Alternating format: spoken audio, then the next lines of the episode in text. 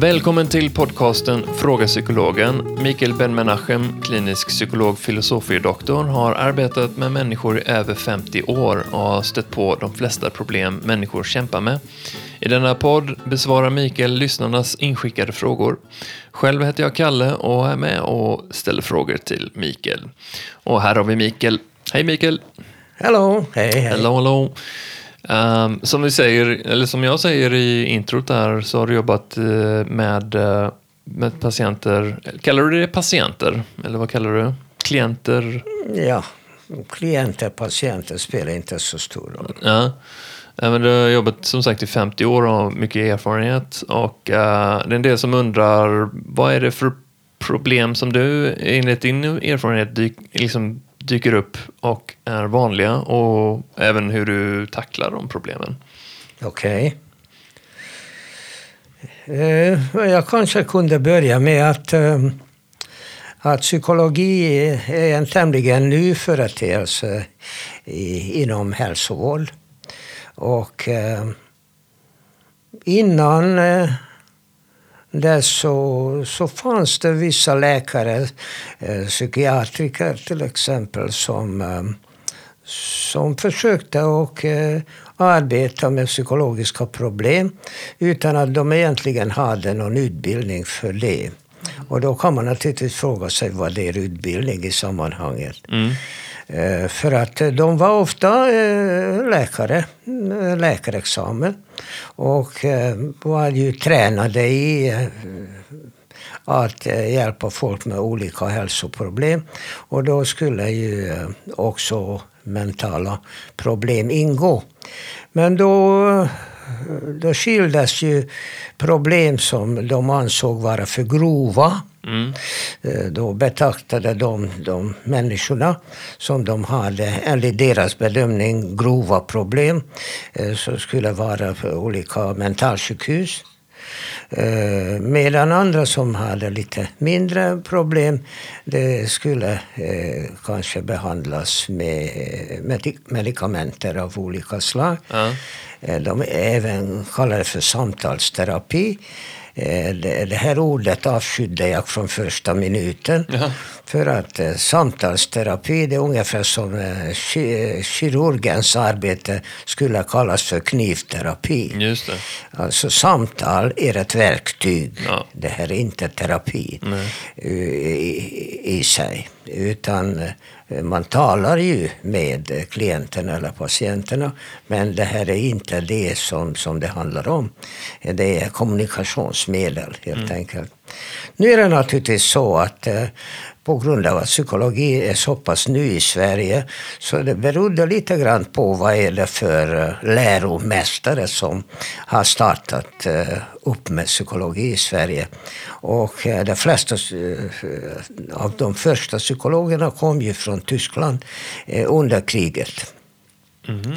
Och det var lite olika vad är det för psykologer som har hamnat i Norge och i Sverige. En del av dem har hamnat i Norge först och fick fly från Norge till Sverige. Eh, en del kom direkt till Sverige, inte många. Mm. Och, men ändå en liten skillnad. En del psykologer som har hamnat i Norge, de var ju lärjungar till Freud. Eh, kanske inte direkt utan eh, kanske via Jung eller Ferenczi eller några andra mm. eh, tidiga psykoterapeuter. Mm. Eller vad vi kallar för dynamiska eller analysbetonade psykologer. Mm. Och, eh, sen kom några sådana även över till Sverige. Men eh, hit kom andra psykologer eh, från andra eh, områden.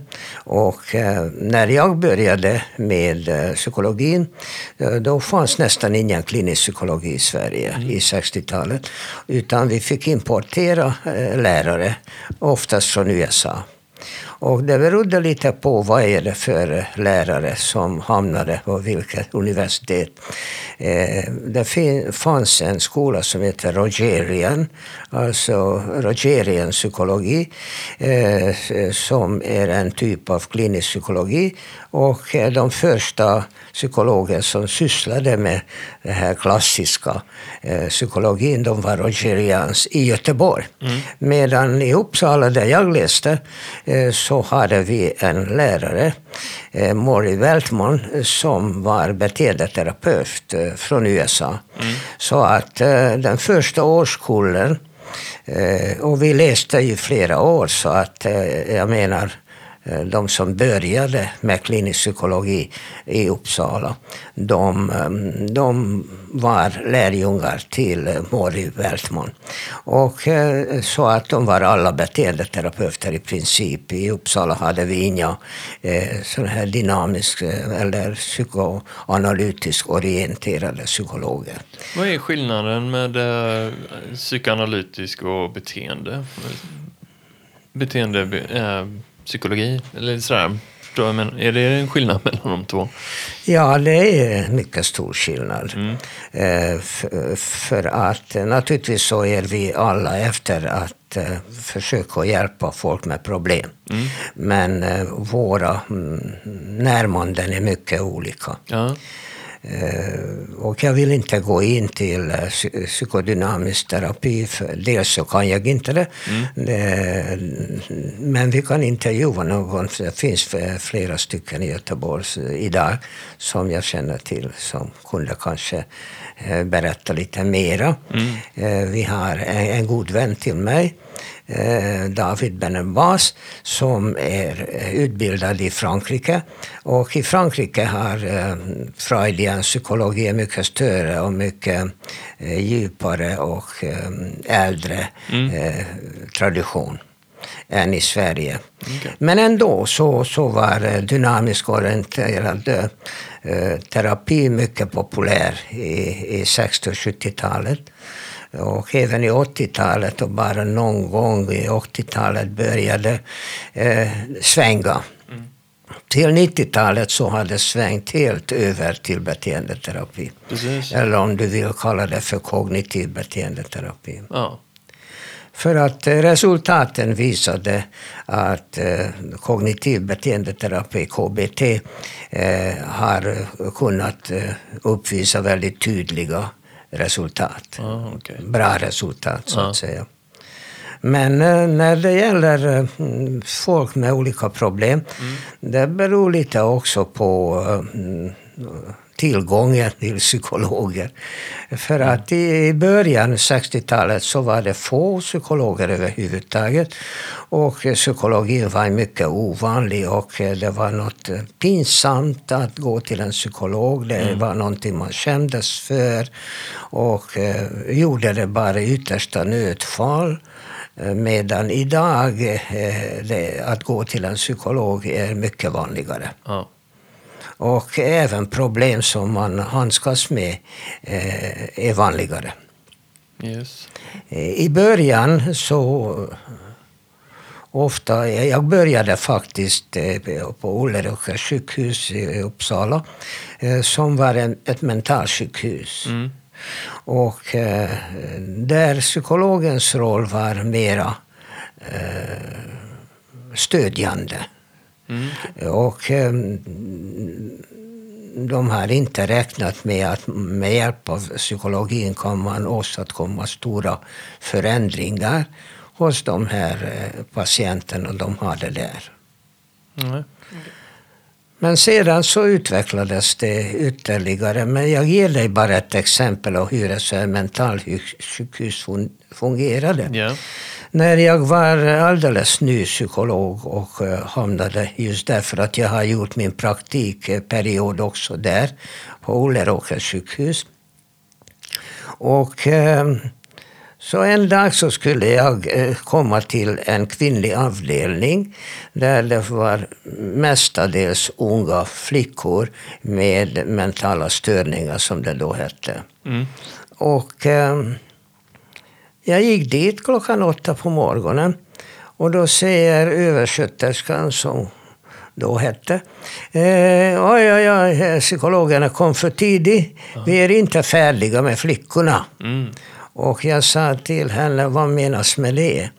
Ja, ja vi, de är inte alla liksom klädda och sådär. Så, men, men eh, sätt er, drick en kopp kaffe så, så vi snabbar på. Och jag säger till henne, men menar du att det är de här flickorna som jag skulle träffas, de är väl i 16, 17, 18 års ålder, eller hur? Ja, sa hon. Ja, det stämmer. Ja, men mm, är det ni som klär dem? Ja, sa hon. Ja, men kan de inte klä sig själva? Jo, sa hon, men det ju, det tar evigheter. Det har vi inte råd med. Mm, Det illustrerar ju eh, hela attityden. Att de ansåg att bara för att folk betedde sig lite konstigt eller hade lite konstiga idéer, då var de inte kapabla att göra någonting. Mm. Och det, det, det var den allmänna attityden så när vi började arbeta. Eh, det var den ena varianten. Och eh, den andra varianten, det var ju eh, ofta studenter. Uppsala var ju utpräglad studentstad då. Och eh, vi hade även dagspatienter som kom in på morgonen och eh, gick hem på eftermiddagarna. Och eh, det var en helt annan typ av klientel. Ofta så, så var det olika sorters rädslor. Det var mycket vanligare 60-70-talet att de kom och sökte hjälp för olika typer av rädslor. Okej. Och eh, beteendeterapi älskar ju det här för att det är relativt lätt att komma åt. Eh, Och eh, olika typer av rädslor eh, som var vanliga, som är vanliga även idag. Ja. Eh, och eh, om man nu, nu kallar dem för neurotiska rädslor. Och det innebär att eh, man är omotiverat rädd för någonting. Ja. Okej? Ja. Så att om du till exempel är rädd för eh, att bli bränd Mm.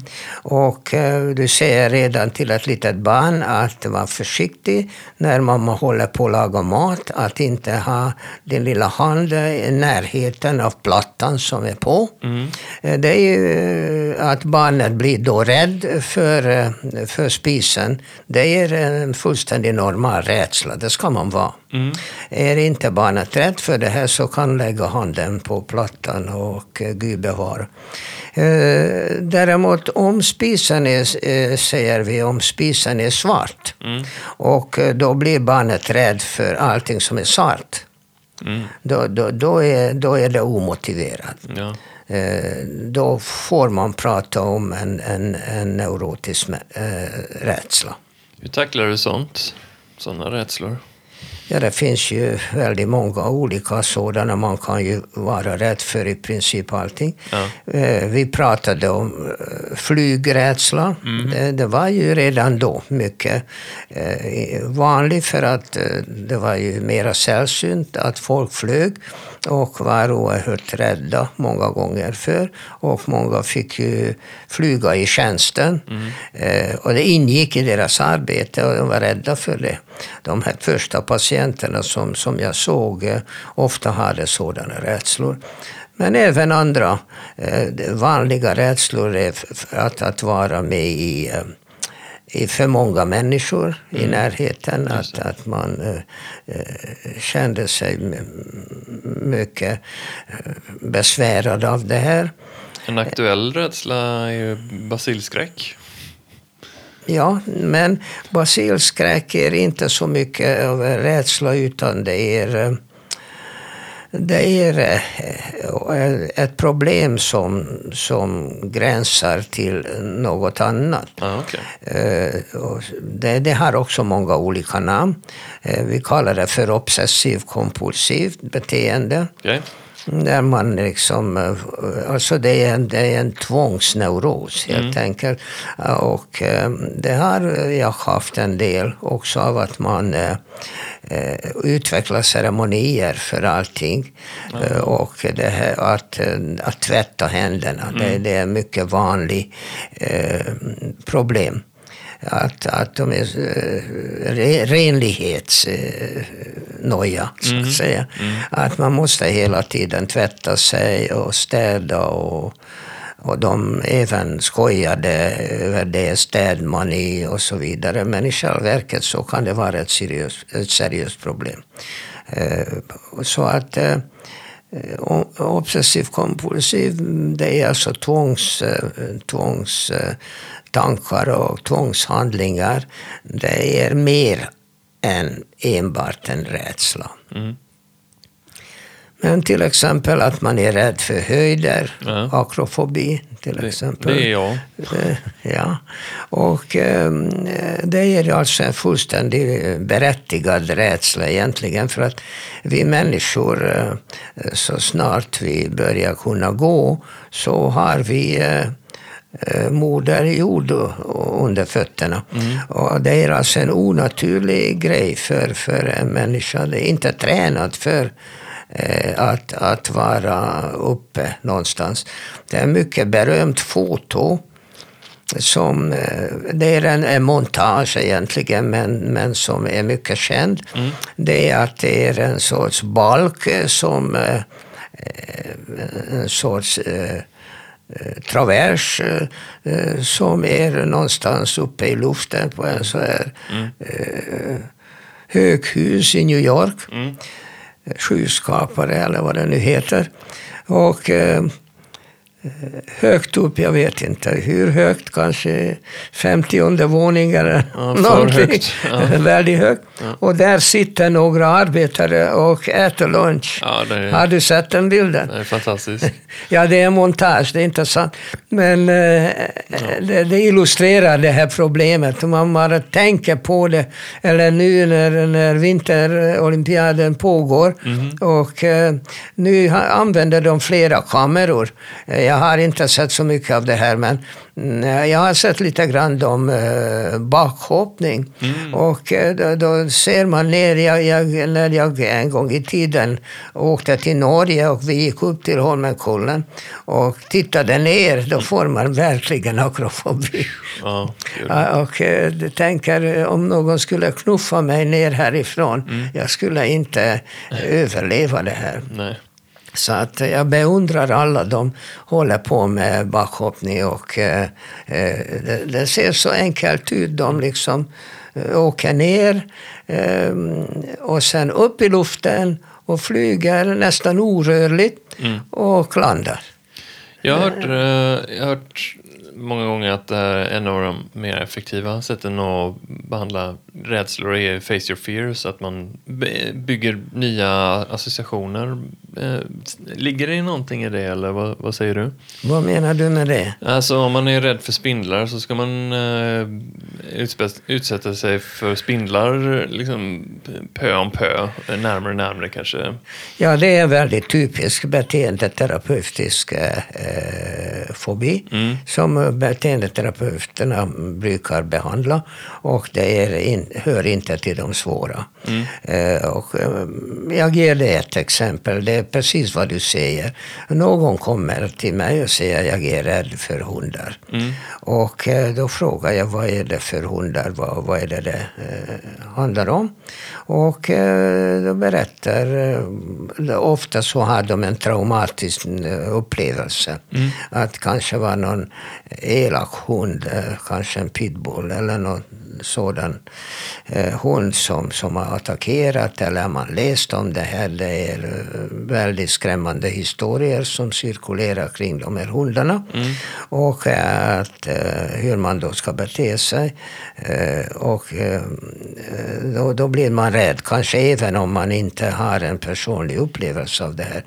Jag kommer ihåg att jag läste alldeles här i närheten på Munkebäcks torg eh, gick någon eh, äldre man på torget och det var en som hade en pitbull som plötsligt attackerade den här mannen. Och ehm, eh, rev hans kläder och folk inte visste vad de ska göra. Eh, och det var ju riktigt, det var ju livsfarligt helt enkelt. Och då kom en som skulle till hockeyträning. Och med hjälp av den hockeyklubban började han slå på den hunden som släppte taget. Ja. Så att han blev ju dagens eh, hjälte, Ja. den här killen med hockeyklubban. Eh, för att ägaren visste inte vad han ska göra. Eh, Försökte att dra hunden men den struntade i honom fullständigt. Eh, och man kan naturligtvis fråga sig, eh, för att eh, allting är ju ett resultat av inlärning, hur den här hunden har lärt sig det här beteendet. Men eh, hur som helst, så kan, det det här bilden, eller eh, berättelsen, jag har inte sett något foto om det här, utan jag har bara läst om det här. Jag, jag tänker ofta på det när jag eh, möter en pitbull på gatan. Mm. Så att eh, sådana rädslor kan lätt eh, komma. Så när patienten berättar för mig om det här, Mm.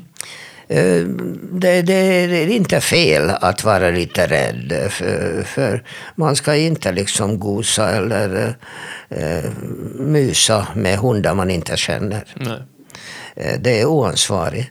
Eh, För att det ändå handlar det om djur och deras beteende eh, kan vara oberäkneligt. Så att eh, om man frågar ägaren eh, om det är en snäll hund eller eh, får man eh, klappa på eller något så- sånt eh, och eh, ägaren säger att ja, det här är verkligen ofarlig och snäll hund så kan du lugnt eh, eh, klappa på honom eh, eller henne så, så, så går det nog. Men eh, bara att gå rakt eh, till hund och, börja och, och hålla på så här, det skulle jag inte rekommendera. Eh, Men eh, det här är alltid liksom frågan om motivation. För att vara lite normalt rädd för någonting, det här är inte en fobi, utan det är en berättigad rädsla. Då är mitt arbete att tala om för patienten att det här är inte fel, det här är inte något onaturligt, det är helt okej. Men eh, om man säger, men eh, min hustru älskar ju hundar och vi har inte vågat eh, köpa en hund för, för min rädsla. Och egentligen skulle jag också vilja en hund, bara jag skulle bli av med den rädslan. Då har vi en helt annan situation. Eh, Då, då, då börjar jag arbeta med honom eh, efter mycket klassisk beteendeterapeutisk modell. Ja. Att vi, vi talar en hel del om, om hundar. Eh, olika hundraser och så vidare. Så att han vänjer sig liksom i hundarnas värld. Och, och vi läser en hel del om deras beteende och så vidare.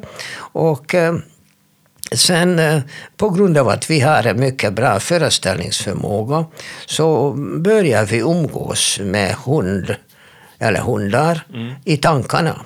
Okej. Alltså kanske under eh, avslappning eller hypnos så föreställer vi oss att, att vi har en hund i närheten och vi, hur vi kan umgås med den.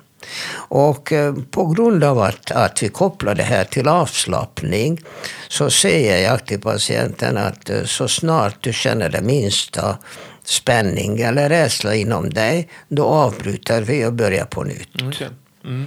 Och eh, på det sättet, långsamt, långsamt, eh, så, så börjar patienten bli rätt så van vid den här tanken att han umgås med en hund.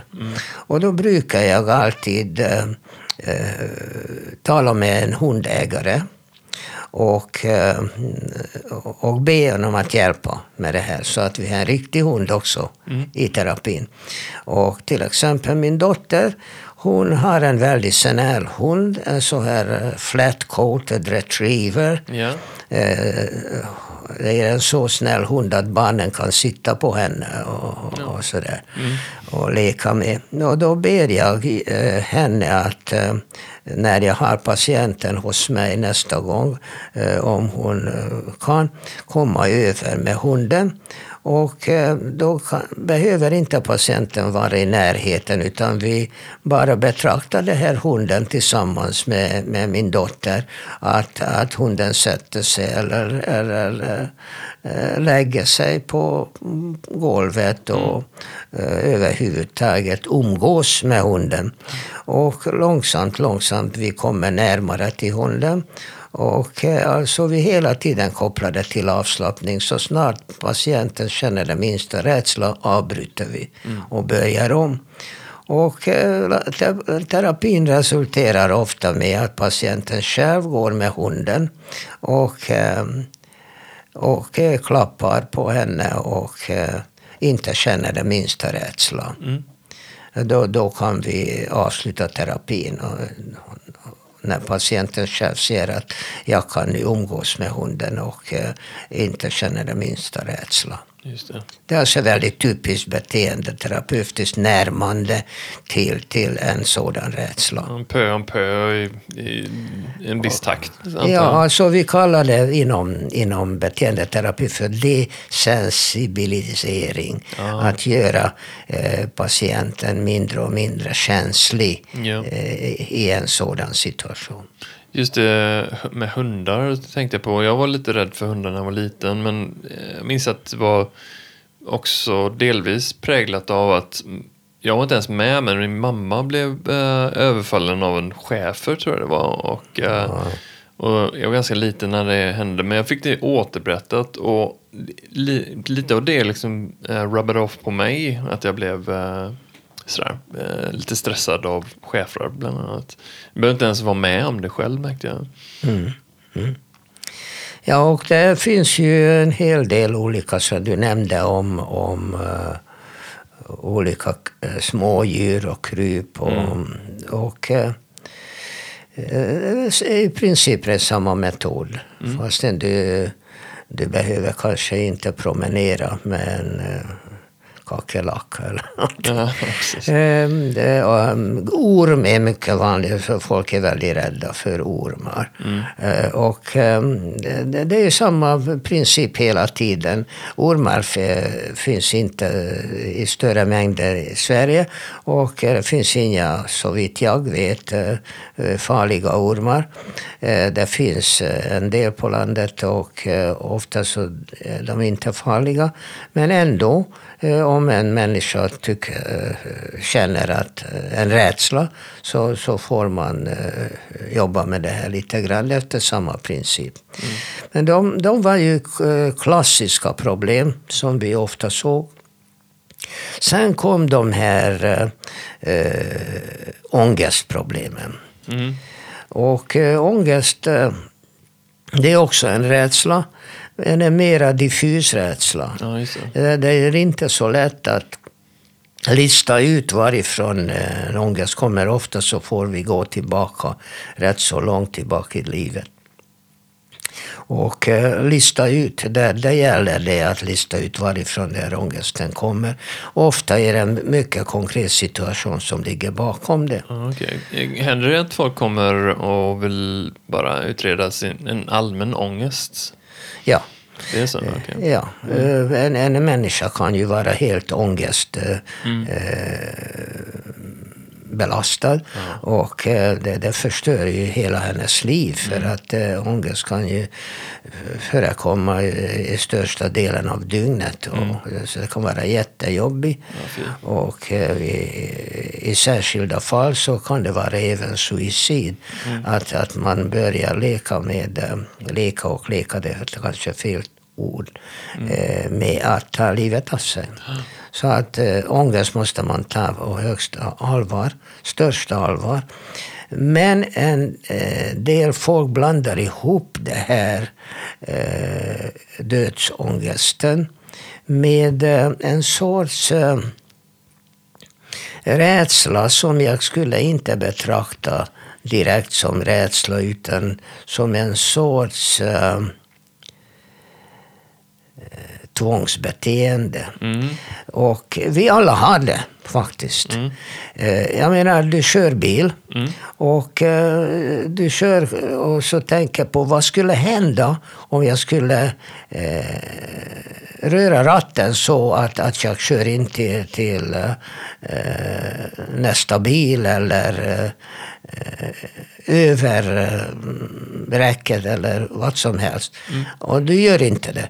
Men bara tanken att vad skulle hända och då, då, då använder du hela din föreställningsförmåga och du ser dig själv dö, dö, döende, mm. blöder och eh, kroppen är söndertrasad och så vidare.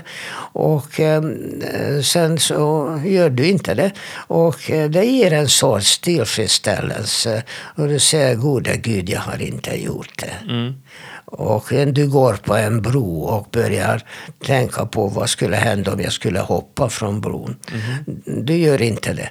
Eh, men det är samma igen, alltså du har en känsla. Det är en sorts, jag brukar kalla det för en sorts eh, ödeslek. Ja, att du liksom leker med ditt öde så att säga.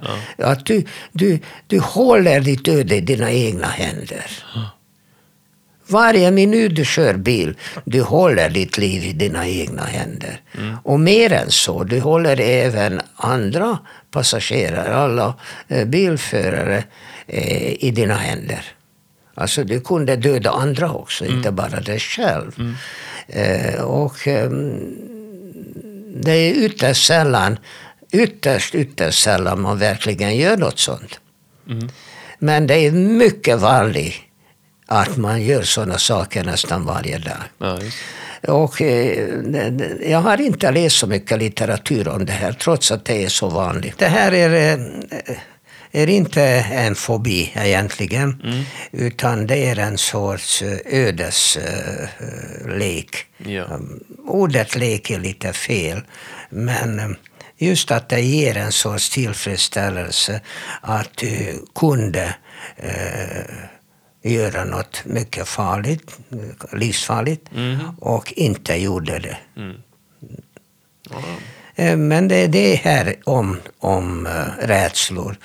Men sen började det komma helt andra typer av problem. Och uh, bara att avrunda dagens. Mm.